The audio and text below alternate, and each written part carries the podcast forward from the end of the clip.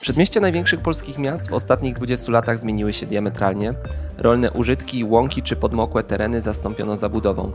Deweloperzy zawstydzili grzyby rosnące po deszczu, osiedla domków wyrosły praktycznie wszędzie, a wraz z nimi pojawili się nowi mieszkańcy. Głównie poszukujący swojego wymarzonego domu, uciekający z przeludnionych mieszkań, czy też szukający kontaktu z przyrodą. Czy ich marzenia się spełniły? Niekoniecznie. W ostatnich latach coraz częściej możemy usłyszeć o powrotnikach, którzy rozczarowani jakością życia poza miastem wracają do centrów metropolii. Co nimi kieruje?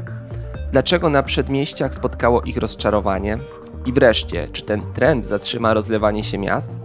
Witajcie w najnowszym odcinku podcastu Międzymiastowo, realizowanego przez Klub Jagielloński. Ja nazywam się Jakub Kucharczuk, a w dzisiejszym odcinku o powrotnikach właśnie porozmawiam z profesor Katarzyną Kajdanek z Uniwersytetu Wrocławskiego. Międzymiastowo.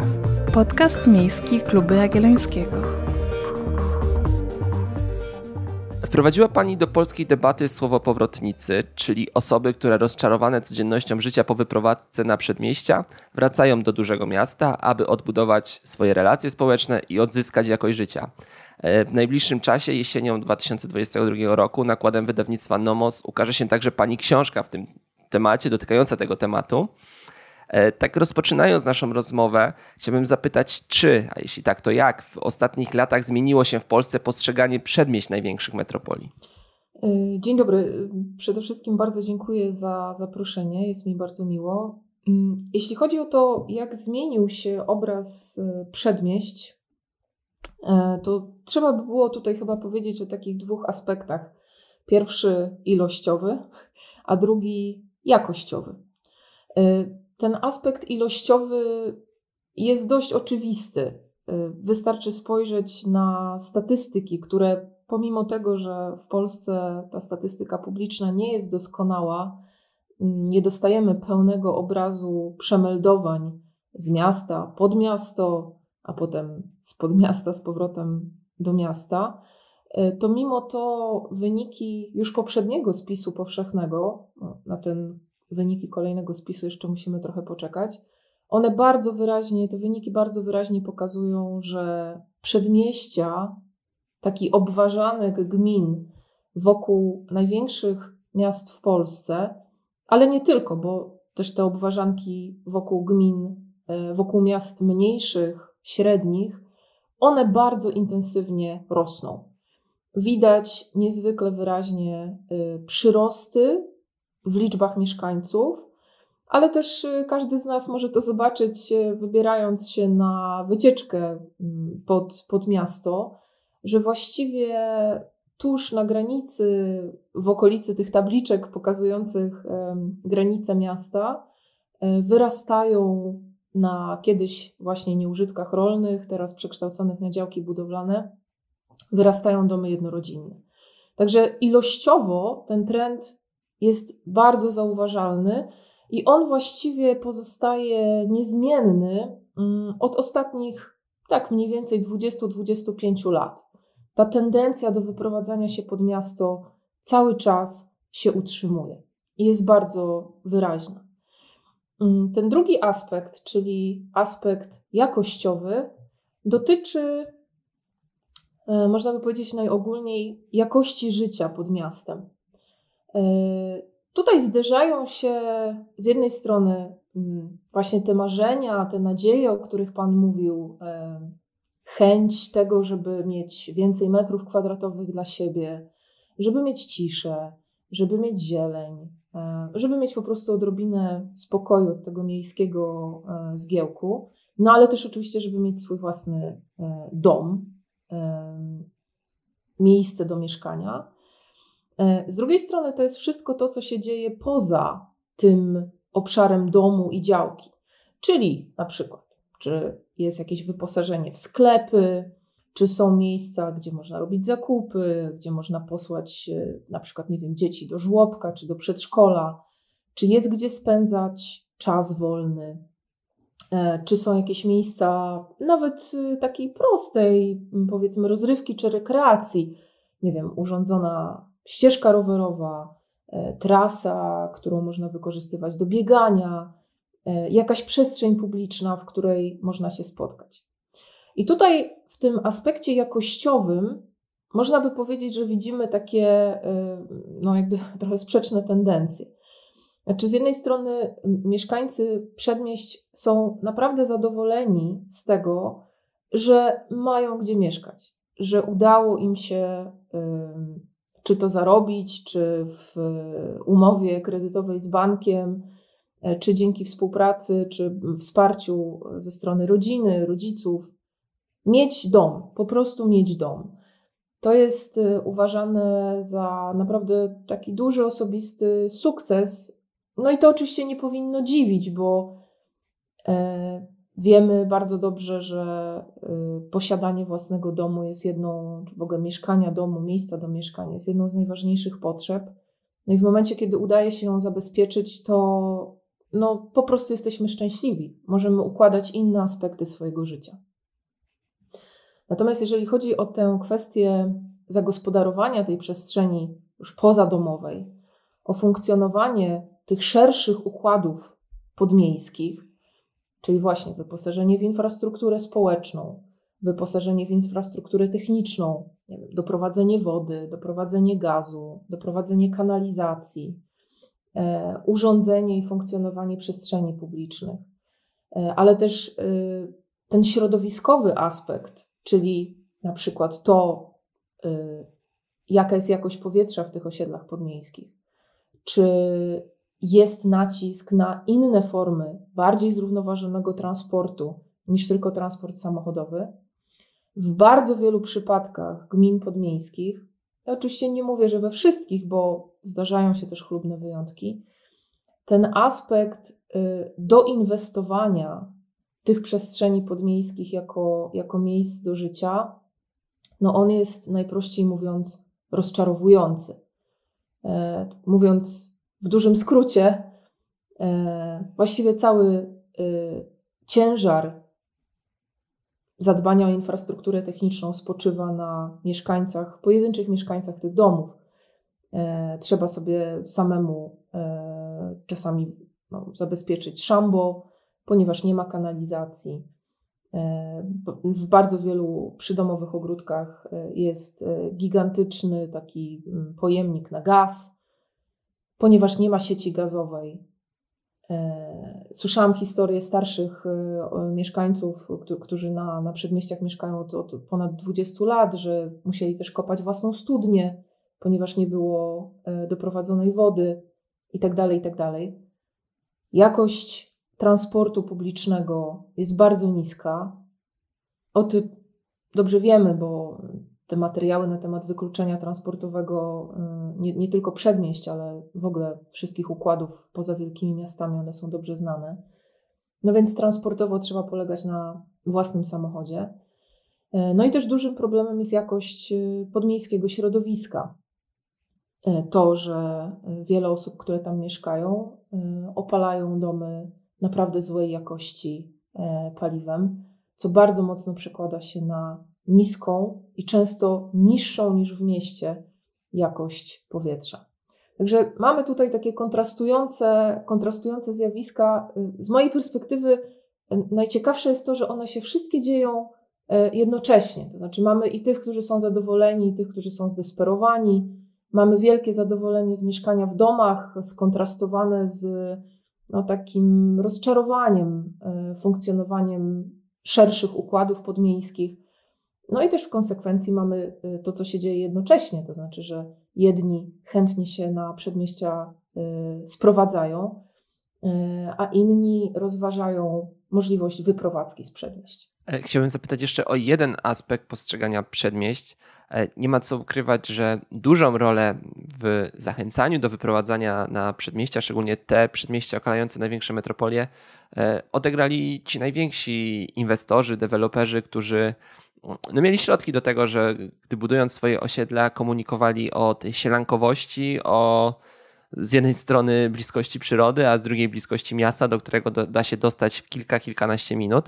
Wiemy, że często to się mijało z, pra- mijało z prawdą i wydaje się, że teraz jakby ta promocja jest mniej nachalna, a przynajmniej jednak więcej osób zdaje sobie sprawy o tych aspektach, które jednak transportowo mm, no, nie pomagają w wyprowadzce takie przedmieścia, nie zachęcają do tego, żeby akurat wybierać ich inwestycje. Więc chciałbym się zapytać, czy to komunikowanie o przedmieściach, o wyprowadzce i poszukiwaniu tego domku w jakiś sposób się zmieniło w ostatnich latach, szczególnie biorąc pod uwagę pandemię, która E, która jednak e, wywróciła życie wielu osób, szczególnie tych, które mogły przejść na pracę zdalną? Najpierw y, chciałabym y, jeszcze powiedzieć o, o tej kwestii tego, y, na ile ważni są deweloperzy, a na ile ważni są indywidualni inwestorzy, bo z moich obserwacji wynika, że to bardzo zależy od regionalnych rynków. Tam, gdzie rzeczywiście mamy wielkie miasta i są osoby, gotowe do tego, żeby kupić po prostu dom wybudowany przez e, innego, znaczy po prostu przez dewelopera pod miastem, to rzeczywiście tam e, deweloperzy lokowali swoje inwestycje. Chociaż z moich też rozmów z deweloperami bardzo często wynikało, że oni jednak mm, kalkulują swój zysk i widzą, że w mieście mogą wybudować więcej i sprzedać drożej. Więc y, ten wybór y, deweloperów, żeby budować pod miastem, on jest, on jest mocno regionalnie zróżnicowany.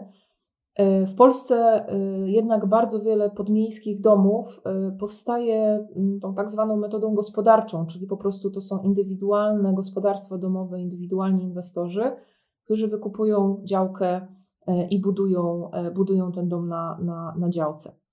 Y, wracając do y, Pańskiego pytania o sposób komunikowania, y, podkreślanie określonych zalet mieszkania pod miastem, to powiedziałabym, że z jednej strony oczywiście bardzo wiele dla procesu suburbanizacji zrobiły reklamy, zrobiły też seriale, zrobiły kampanie reklamowe deweloperów zrobiły też y, czasopisma, y, które no, kreowały taki właśnie, mm, jak pan mówi, sielski, e, rustykalny y, obraz życia, życia pod miastem. Ale chciałabym podkreślić, że dla bardzo wielu osób to, jak były reklamowane osiedla podmiejskie, było albo wtórne, albo wręcz zupełnie nieistotne E, ze względu na to, że te osoby przede wszystkim kalkulowały cenę, czyli rozważając swoją e, zdolność kredytową, rozważając te zasoby, które e, mają zarówno własne, jak i, tak jak wcześniej mówiłam, udzielone przez rodzinę, rodziców, teściów, te osoby po prostu wyliczają, o ile więcej E, metrów, czy po prostu e, pokoi w tym domu, e, o ile więcej, czy w ogóle będą mogły mieć ogródek, o ile bardziej atrakcyjna będzie ta przestrzeń mieszkaniowa podmiejska niż przestrzeń w mieście. Więc to, jaki jest konkretnie kształt tych reklam, o czym się tam mówi, jest naprawdę wtórne wobec faktu, że dla wielu osób wyprowadzka pod miasto jest na pewnym etapie życia po prostu ekonomiczną koniecznością.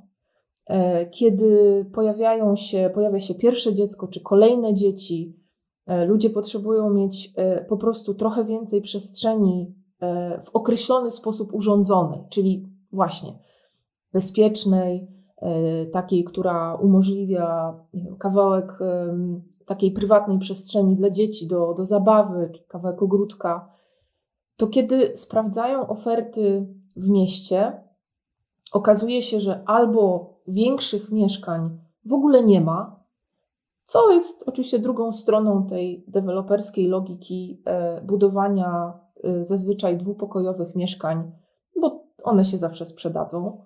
E, tak jak mówią deweloperzy, to jest idealny produkt e, inwestycyjny, świetnie takie mieszkania się wynajmują i tak dalej.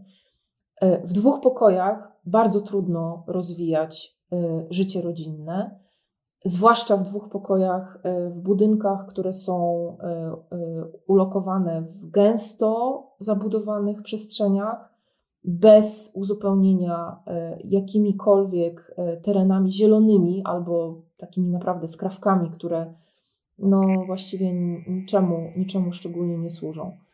W związku z tym porównanie ile metrów kwadratowych plus tej dodatkowej przestrzeni zielonej można mieć za określoną cenę, e, niemalże w automatyczny sposób kieruje uwagę bardzo wielu osób e, na tereny podmiejskie. I pandemia, o której Pan wspomniał, zmieniła tu tyle, że przyspieszyła oba trendy. To znaczy, jeden trend budowania mieszkań niezbyt e, dopasowanych do oczekiwań, które były kończone jako inwestycje pandemiczne i one się sprzedawały na pniu, e, bo bardzo wiele osób, jak pamiętamy, w 2020-2021 roku przy zerowym oprocentowaniu lokat wiele osób uciekało z pieniędzmi e, z banków i właśnie lokowało je w takich mieszkaniach, więc generalnie obecnie kupienie jakichkolwiek mieszkań na rynku pierwotnym E, jest po pierwsze bardzo drogie, e, a po drugie bardzo trudne, bo e, podaż spada. A z drugiej strony, właśnie w pandemii, kiedy zdaliśmy sobie sprawę, że nasze przestrzenie mieszkaniowe no nie umożliwiają tego, żeby natychmiast przestawić się na pracę zdalną z domu, jednocześnie być może edukację dzieci z domu, E, żeby korzystać z mieszkania, które nie da się łatwo dopasować do tak wielu zróżnicowanych funkcji. Znaczy być jednocześnie biurem, salonem, sypialnią, e, kuchnią, prawda, na tych, nie wiem, 49-50 metrach. Więc te osoby, które mogły, te osoby, które były w stanie, rzeczywiście zaczęły rozważać przeprowadzkę E, do większych podmiejskich przestrzeni. Z jednej strony oczywiście to jest ta kwestia ekonomiczna, no z drugiej też właśnie to, że praca zdalna e, odebrała część tego bardzo negatywnego e, wizerunku mieszkania na przedmieściach, czyli po prostu dojazdów do pracy. No, jeżeli pracujemy zdalnie, no to w tych podmiejskich domach możemy po prostu sobie urządzić łatwiej biuro, E, i nie musimy się borykać z tym, co jest najbardziej problematyczne, czyli właśnie staniem e, w korkach e, i z długotrwałymi dojazdami. Z tego co wiem, z tego co pokazują dane bankowe, z tego co pokazują dane dotyczące udzielonych pozwoleń na budowę, rzeczywiście w tych ostatnich pandemicznych latach udzielono najwięcej w ostatniej dekadzie pozwoleń na budowę E, domów jednorodzinnych. Nie wiemy oczywiście, e, czy faktycznie te domy zostaną zbudowane, no bo e, teraz obserwujemy to w wiadomościach bardzo często galopujące ceny mm, materiałów budowlanych, galopujące ceny robocizny, inflacja, która no niemalże na naszych oczach podwyższa szacunki i kosztorysy powstania tych domów. E, zdaje się, że chyba w zeszłym tygodniu e, gdzieś na głównych stronach serwisów informacyjnych w Polsce e, zaczęła się pojawiać taka informacja, że wiele domów w stanie surowym jest wystawianych na sprzedaż właśnie przez osoby, które rozpoczęły budowę po starej cenie, tak mówiąc potocznie, no i niestety nie są w stanie tej, tej budowy dokończyć. Oczywiście te domy, które już zaczęły być budowane pod miastami, one nie znikną prawdopodobnie, e, czy nie, nie zostaną rozebrane i, i, i, teren nie zostanie przywrócony do stanu e, poprzedniego. Przypuszczam, że pewnie znajdą się nabywcy e, i to będzie też oznaczało, że znajdą się kolejni, kolejni mieszkańcy tych osiedli podmiejskich. No, mm, wydaje się, że najsmutniejszym rozwiązaniem to byłyby chyba takie niedokończone kikuty tych domów które no, jeszcze bardziej psułyby ten, ten podmiejski, podmiejski krajobraz. Kończy się właśnie rekrutacja dla nowych osób do portalu klubjagielloński.pl.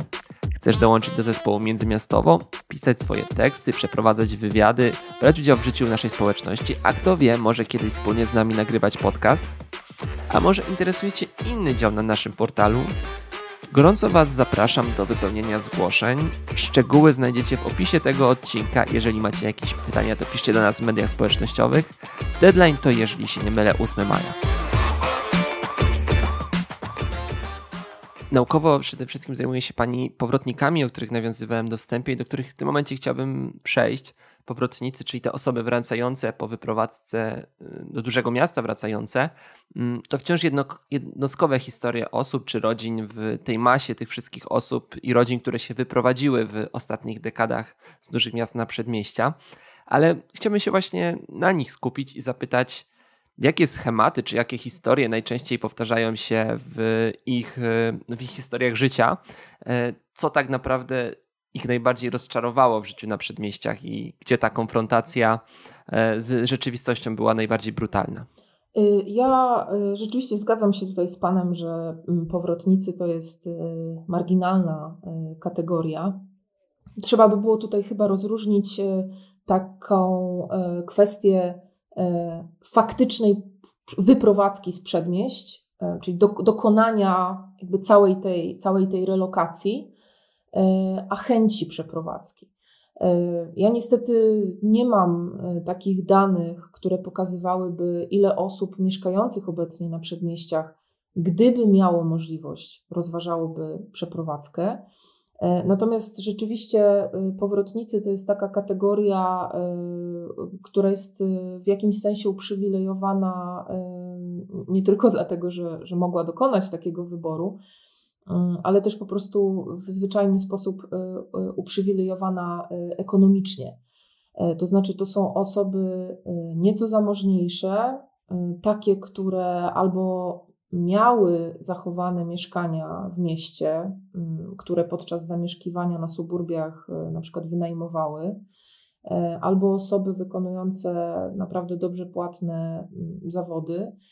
E, dzięki temu mogły nadpłacać kredyt albo w ogóle kupować dom bez kredytu, a potem jeszcze odłożyć na, mm, na kolejną nieruchomość w mieście. E, mogły to być też osoby, które budowały swoje domy mm, na tyle dawno, e, że wtedy jeszcze ten rynek kredytowy e, no, po prostu nie funkcjonował, tak? czyli gdzieś powiedzmy w początkach lat 90. czy w połowie lat 90. i budowały po prostu taką metodą gospodarczą. Długo, ale za swoje pieniądze, niepożyczone pieniądze. I teraz y, mm, w tych moich badaniach y, ci powrotnicy ułożyli się w takie trzy kategorie. E, pierwsza kategoria to są e, dorosłe podmiejskie dzieci, czyli mm, dzisiaj osoby w wieku dwudziestu kilku, trzydziestu e, kilku lat, których rodzice przeprowadzili się na przedmieścia, a oni jako dzieci, nastolatkowie wychowywali się tam. Druga, ja za chwilkę do nich wrócę. E, druga kategoria to są rodziny z dziećmi. E, osoby, które zdecydowały się wyprowadzić na przedmieścia, e, właśnie mając jedno, planując kolejne dzieci, albo kobiety, które akurat były w ciąży, młode, młode małżeństwa, takie rozwojowe gospodarstwa domowe. E, I trzecia kategoria, e, która jest e, no z mojej perspektywy chyba najciekawsza, bo też bardzo rzadko w Polsce badana i, i rzadko dokonująca takich radykalnych gestów, czyli seniorzy. Raczej jesteśmy przyzwyczajeni do tego, że osoby starsze są niemobilne, w niewielki odsetek tych osób się przeprowadza w wieku plus 60, plus 65. Natomiast właśnie ci powrotnicy, seniorzy e, dokonują takiego, e, takiego ruchu.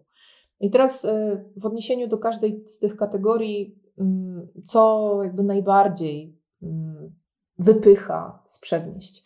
Ja oczywiście tutaj nie jestem w stanie mm, tego pełnego wachlarza powodów, one są bardzo złożone i różne aspekty się przenikają, nie jestem w stanie tych wszystkich powodów e, tutaj omówić, ale e, tak bardzo krótko, w przypadku tych młodych dorosłych, powiedziałabym, że tym, co wypycha, jest z jednej strony po prostu trajektoria życia. Tak? Ci ludzie dojrzewają, dorastają, podejmują kolejne, wchodzą w kolejne etapy edukacji, nie wiem, wybierają się na studia, podejmują pierwszą pracę E, I e, nie da się tych rzeczy e, bardzo długo robić z domu, z domu rodziców.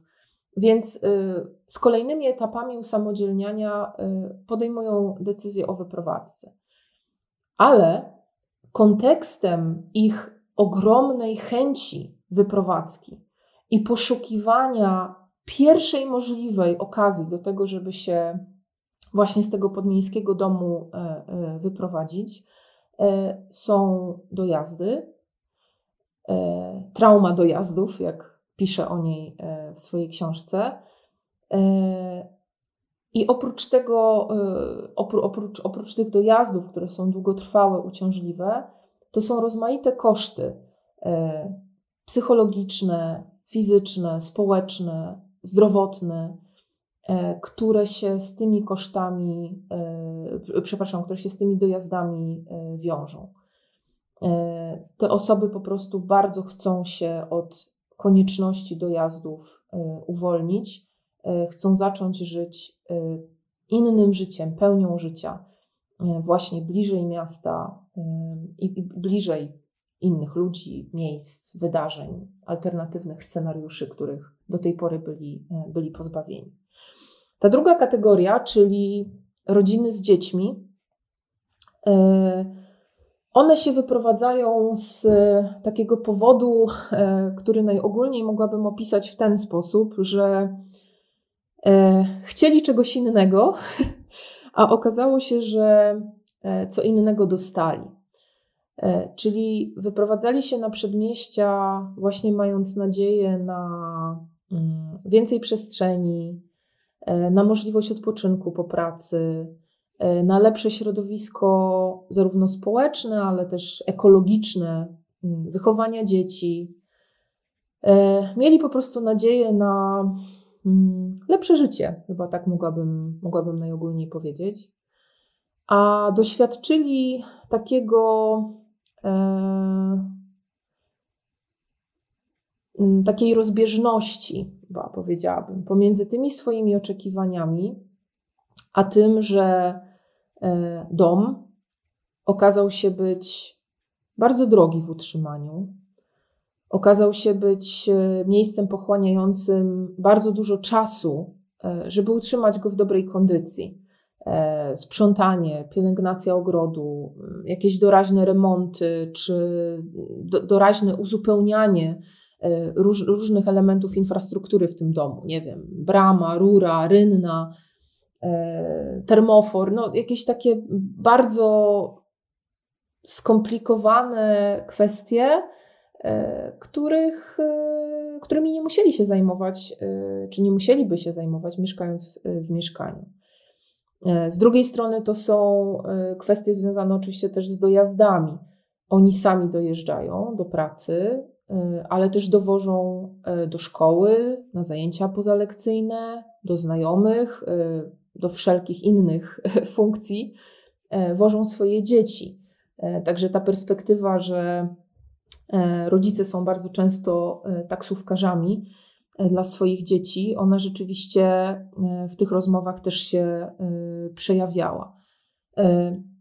Bardzo dużym problemem o którym wiele tych podmiejskich rodzin mówiło, e, jest, e, no tak mówiąc wprost, y, ekologiczna katastrofa e, przedmieść.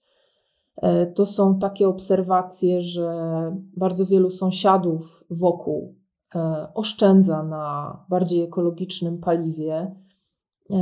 No i po prostu w tych podmiejskich lokalizacjach jest straszny smog. Można raczej patrzeć na zieleń na obszarach podmiejskich, niż z tej zieleni korzystać. E, po pierwsze, dlatego, że zazwyczaj ta zieleń jest nieurządzona, tak? czyli to są po prostu jakieś tam, nie wiem, kępki lasów, czy, czy kępki jakiejś, e, no właśnie, jakiejś zieleni, ale bardzo trudno tam dotrzeć, e, bo na przykład trzeba pokonywać nie wiem, cudze pola. Mm, czasami te pola są ogrodzone. I bardzo, bardzo tęsknią te osoby za takimi przestrzeniami jak no nie wiem, ścieżki biegowe, parki, wydawało, wiele osób tak mówiło, że wydawało się, że y, wieś będzie przestrzenią bliskiego kontaktu z naturą, a potem się okazuje, że, że wcale tak nie jest. I degradacji też ulega y, ta ich najbliższa przestrzeń, to znaczy mm, takie historie, że nie wiem, właściciel ziemi obiecywał, że y, ta działka, którą właśnie teraz sprzedaję moim rozmówcom, to jest absolutnie ostatnia działka sprzedana i tutaj już nikt więcej się nie wybuduje. No a jak tylko ceny e, ziemi budowlanej poszły w górę, no to oczywiście, że kolejne działki zostały sprzedane e, i po prostu te, te dobre widoki e, zniknęły. Teraz się ma po prostu widok na, na, na, budynki, na budynki sąsiada. Jest też taki mm, problem mm, odmienności norm i odmienności sposobów życia.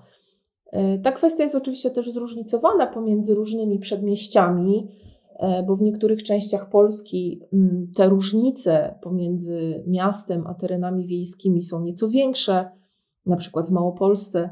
E, w innych rejonach, na przykład w województwie wielkopolskim czy na Dolnym Śląsku, są nieco mniejsze, ale wielokrotnie słyszałam takie historie po prostu o niedopasowaniu społecznym, e, innym sposobie życia, e, wyłączeniu e, z życia podmiejskiego, na przykład ze względu na to, że się nie uczestniczy w praktykach religijnych, że nie zna się ludzi, bo nie chodzi się na, na niedzielną mszę, jakichś drobnych czy mniej drobnych konfliktach E, na tle tego, czy posyłać dziecko do komunii, czy nie, e, jaki priorytet nadawać e, kwestiom edukacji w życiu, w życiu dzieci i tak dalej, i tak dalej. Takie kwestie też się, też się pojawiały.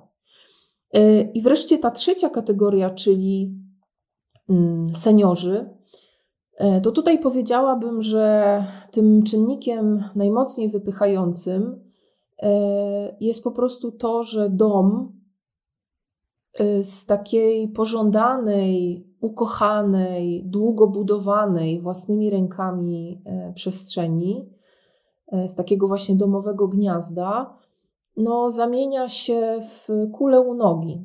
Mm, zamienia się w przestrzeń, która jest bardzo trudna fizycznie w utrzymaniu, no bo oczywiście też e, to jest kwestia e, wieku właścicieli, często pogarszającej się kondycji zdrowotnej, po prostu tego, że bardzo trudno jest na przykład pokonywać schody, bardzo trudno jest samodzielnie sprzątać tak dużą przestrzeń.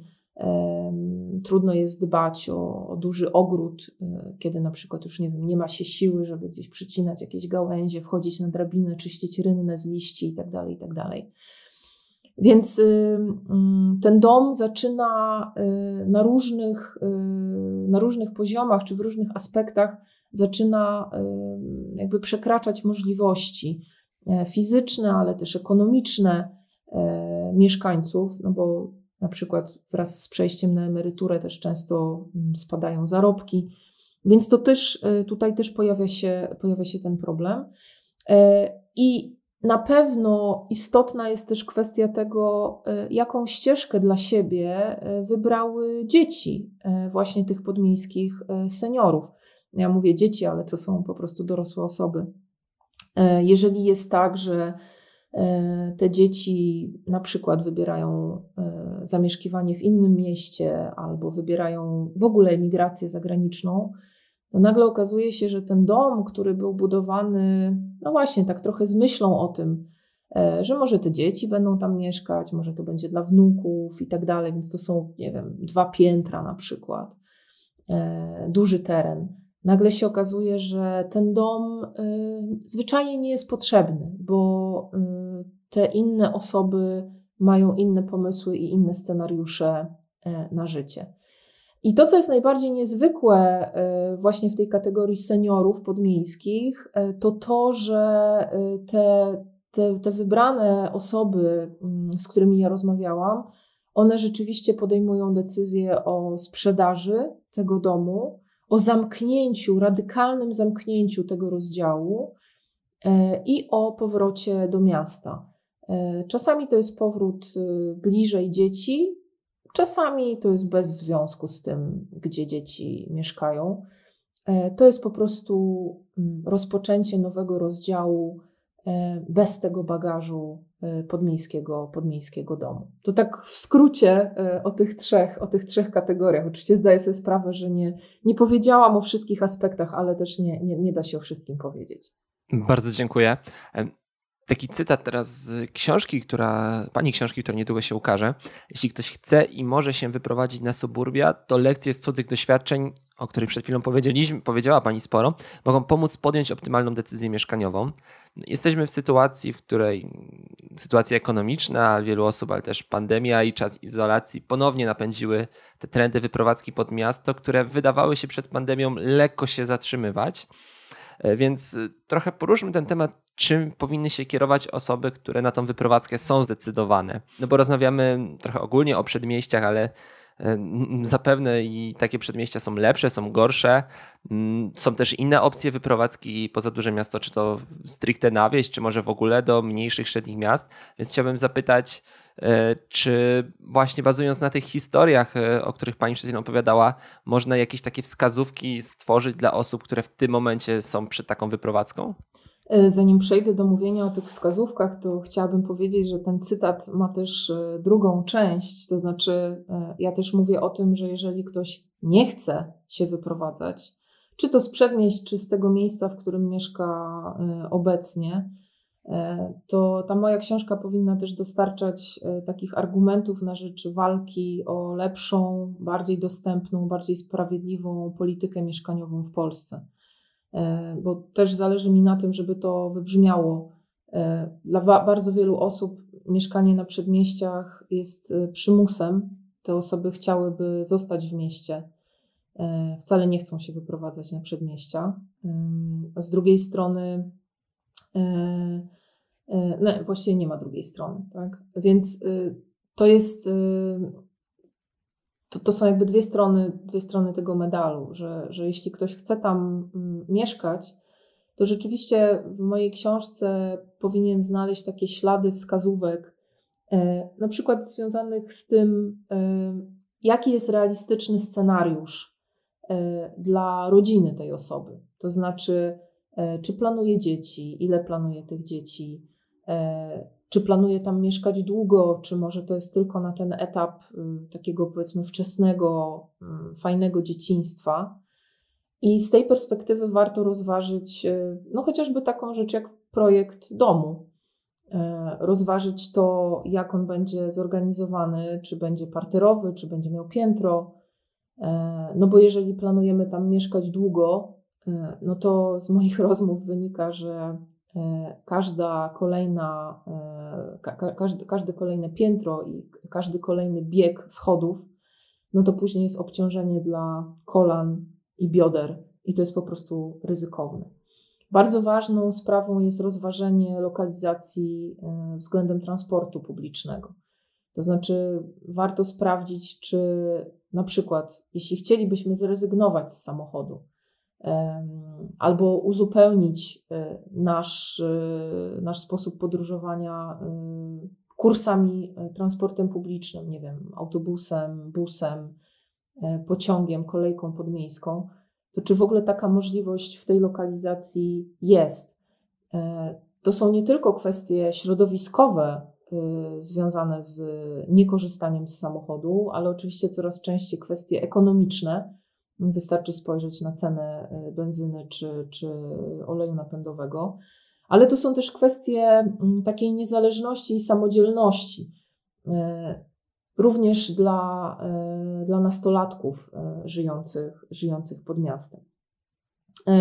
Mając też na uwadze dzieci, no warto się zastanowić, czy w tym miejscu, w którym chcemy mieszkać, jest szkoła, przedszkole, jaka ona jest, czy warto może rozważyć posyłanie dziecka do szkoły na, na miejscu, czy są, jest jakaś oferta zajęć pozalekcyjnych, czy świetlica, czy jednak dziecko będzie wożone do, do szkoły, do miasta, ale też oczywiście, czy jest jakaś dodatkowa infrastruktura, która sprawi, że to dziecko czy dzieci będzie też miało jakieś życie na miejscu, że nie będzie odcięte od kontaktów, e, od kontaktów środowiskowych e, właśnie w miejscu, w miejscu zamieszkania. Mm, dobrze też sprawdzić, e, jak to miejsce wygląda, to, to, które rozważamy do ewentualnego zamieszkania pod miastem, jak ono wygląda jesienią, zimą, czy jakie jest powietrze, jak wygląda krajobraz to są takie elementy, które mm, oczywiście nie jesteśmy w stanie skontrolować wszystkiego, prawda? I nie, nie jesteśmy w stanie przewidzieć też określonych scenariuszy, e, ale wydaje się, że to są takie, takie elementy, które e, warto rozważyć no, jako, jako dodatkowe, oprócz tej kluczowej kwestii, czyli koszt budowy domu, a wcześniej koszt zakupu, koszt zakupu działki. Bardzo dziękuję za dzisiejszą rozmowę. O powrotnikach i o polskich przedmieściach rozmawiałem w dzisiejszym odcinku podcastu Międzymiastowo z panią profesor Katarzyną Kajdanek z Uniwersytetu Wrocławskiego. Dziękuję. W dzisiejszym odcinku to już wszystko. Zbliża się jubileuszowy, setny odcinek naszego podcastu, który od samego początku realizujemy razem z Magdą oraz Karolem. Podcasty Klubu Jagiellońskiego powstają w głównej mierze dzięki wsparciu darczyńców. Dlatego gorąco zachęcam Was do regularnego wsparcia. Szczególnie będzie nam miło, gdy w tytule przelewu wspomnicie, że wspieracie podcast Międzymiastowo. Międzymiastowo. Podcast miejski Kluby Jagiellońskiego. Produkcja tego odcinka została również sfinansowana ze środków otrzymanych w ramach programu rozwoju organizacji obywatelskich na latach 2018-2030, których operatorem jest Narodowy Instytut Wolności, Centrum Rozwoju Społeczeństwa Obywatelskiego.